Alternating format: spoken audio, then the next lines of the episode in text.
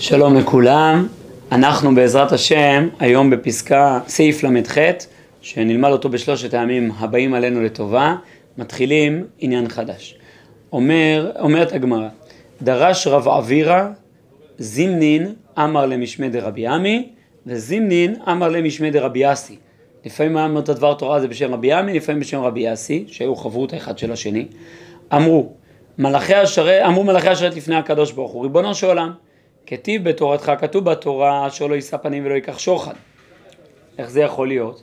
הרי הלא אתה נושא פנים לישראל, דכתיב יישא השם פניו אליך. אתה אוסר עלינו לישא פנים, אוסר על בני אדם לישא פנים, אז למה אתה נושא פנים לישראל? למה אתה מוכן להבליג להם על העוונות שלהם? אומר הקדוש ברוך הוא, אמר להם, וכי לא אשא פנים לישראל, שכתבתי להם בתורה ואכלת ושבעת וברכת את השם אלוקיך, והם דקדקו על עצמם עד כזית ועד כביצה. הרי דין ברכת המזון מדאורייתא הוא רק כשאדם מגיע לשביעה, והנה אתה רואה שעם ישראל מקבל על עצמו שבאכילת כזית, אכילת כביצה, כבר הוא מקבל על עצמו את העניין של ברכת המזון. רש"י מאיר מה זה עד כזית עד כביצה? כזית לרבי מאיר, כביצה לרבי יהודה. נתנן עד כמה מזמנים, רבי מאיר אומר עד כזית, רבי יהודה אומר עד כביצה עד כאן. בעצם יש פה שאלה של המלאכים, למה הקדוש ברוך הוא נוהג עם ישראל שלא בשורת הדין, אלא לפנים משורת הדין?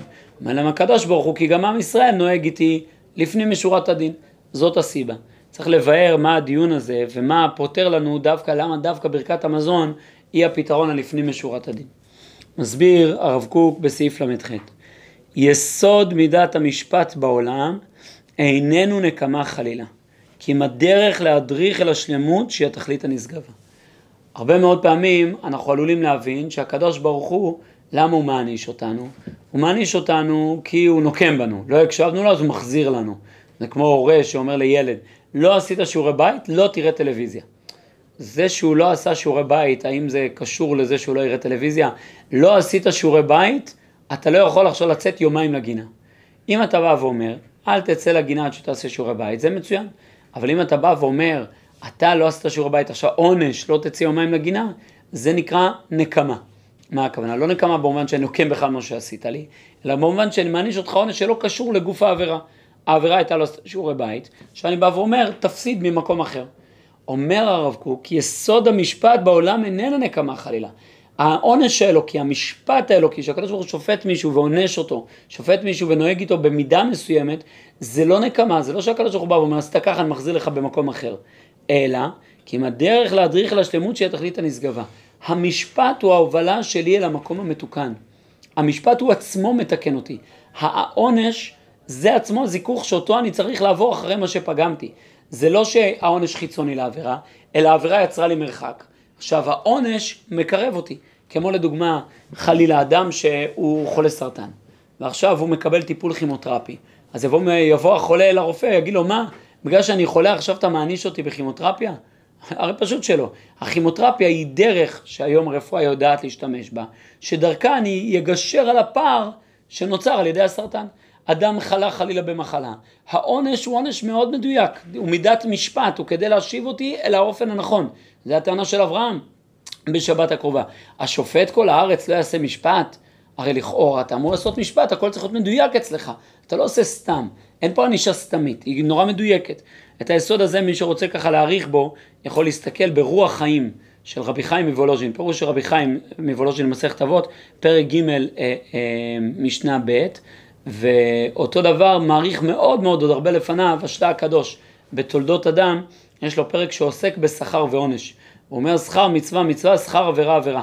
שבאמת עצם המצווה היא עצמה מקדשת אותי, ועצם האווירה היא עצמה מענישה אותי. כך גם רבי חיים וולוז'ין כותב בהקדמה, בכל ישראל שלהם חלק לעולם הבא, שעצם העבירה מלפפת אותי ברע, מלפפת אותי באיסורים, האיסורים לא באים מהשם, זה מה שנקרא, איוולת אדם תסלף דרכו, ועל השם יזף ליבו. אדם חוטא, עכשיו הוא סובל מהחטא שלו, אז בא הקדוש ברוך הוא אומר, למה אני סובל? הכל בגללך. לא. איוולת אדם תסלף דרכו. אתה סילפת כי נהגת באיוולת, נהגת בטיפשות. במקום ללכת בתלם, ירדת על הקוצים. עכשיו אתה צועק על השם, אה, למה אתה עושה שהקוצים יכאבו לי? לא היית צריך לרדת לקוצים, כי קוצים זה כואב. העבירה היא כואבת. העבירה עצמה כואבת, לא הקדוש ברוך הוא בא ואומר, עשתה עבירה, איך שאני אכאיב לך. היא עצמה כואבת לאדם. היא עצמה גורמת למשפט, היא עצמה גורמת למרחק. ומה בעצה בוויתור על הדין? על אותו החיסרון, כשהדין משלים את הכלל או את הפרט, על להישאר בוויתור העונש. לא שייך לוותר על הדין לפי זה, כי אדרבה, באמת הדין הוא מטיב אותי חזרה, הוא מתקן אותי. העונש שאותו אני סופג, אדרבה הוא זה שמזכך אותי, מעלה אותי, מיישר אותי. אם כן, אין זה טובה, כי אם ראה וחלילה למטיב העליון נדבך מעשות זאת. לבוא ולשאת פנים, ללכת לפנים משורת הדין, זה לא ראוי. אדרבה, אנחנו צריכים לבקש, אשיב שופטנו, ברוך אתה שמלך אוהב צדקה ומשפט. תעשה משפט. אנחנו רוצים שיהיה משפט אלוקי, כי, כי הכל מדויק. כי אדרבה זה מטיב אותי כשהקדוש ברוך הוא שופט, אז למה לוותר על הדין? על כן נשיאת פנים נמנעת בכל דין, שהרי יישאר העוול, שהוא חיסרון כולל גם פרטי. ובמידת דין העליון תישאר, כי תישאר הנטייה הרעה שגרמה כל חטא. אם לא תהיה מתוקנת, קראו על פי מידתו. לעניות דעתי, בין המילה גם פרטי לבין המילה, המילה ובמידת דין, צריך להחליף את הנקודה לפסיק. יש פה מילה, משפט רציף. בעצם אומר מרן הרב קוק, באמת נשיאת פנים ננעד בכל דין. לא שייך נשיאת פנים בשום דין. ובמידת הדין העליון זה המשך המשפט. בכל דין זה לא שייך כי זה עוול. כי סוף סוף האדם יישאר בעוול שלו. אבל בשונה מבית דין ארצי, שאדם גנב, אז אני בא ואומר, אה, לא נורא, לא נעניש אותו. שזה שחיתות. למה? כי אתה גורם לעוול להישאר, כי הבן אדם ימשיך לגנוב. אבל במידת הדין העליון זה עוד יותר. כי באמת, העונש הוא לא בא ומונע ממני לעבור את העבירה שוב, אלא הוא עצמו מזקק אותי. ואם במידת הדין העליון, אם הדין של הקדוש ברוך הוא, הדין העליון, לא יהיה, ממילא תישאר הנטייה שגרמה כל חטא. אדרבה, לא הזדככתי, לא התעליתי. ועל כן אפילו יהיה אדם, כליל חמודות, צדיק גמור, לא יוכלו כל מעלותיו להכריע, אפילו לוותר משגקה. הקדוש ברוך הוא מדקדק עם צדיקים כחוט השערה. למה?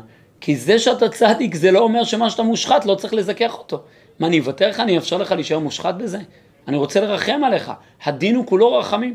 כי השלמות התכליתית מוכרחת לבוא על פי גזירת טובו של אדון כל המעשים.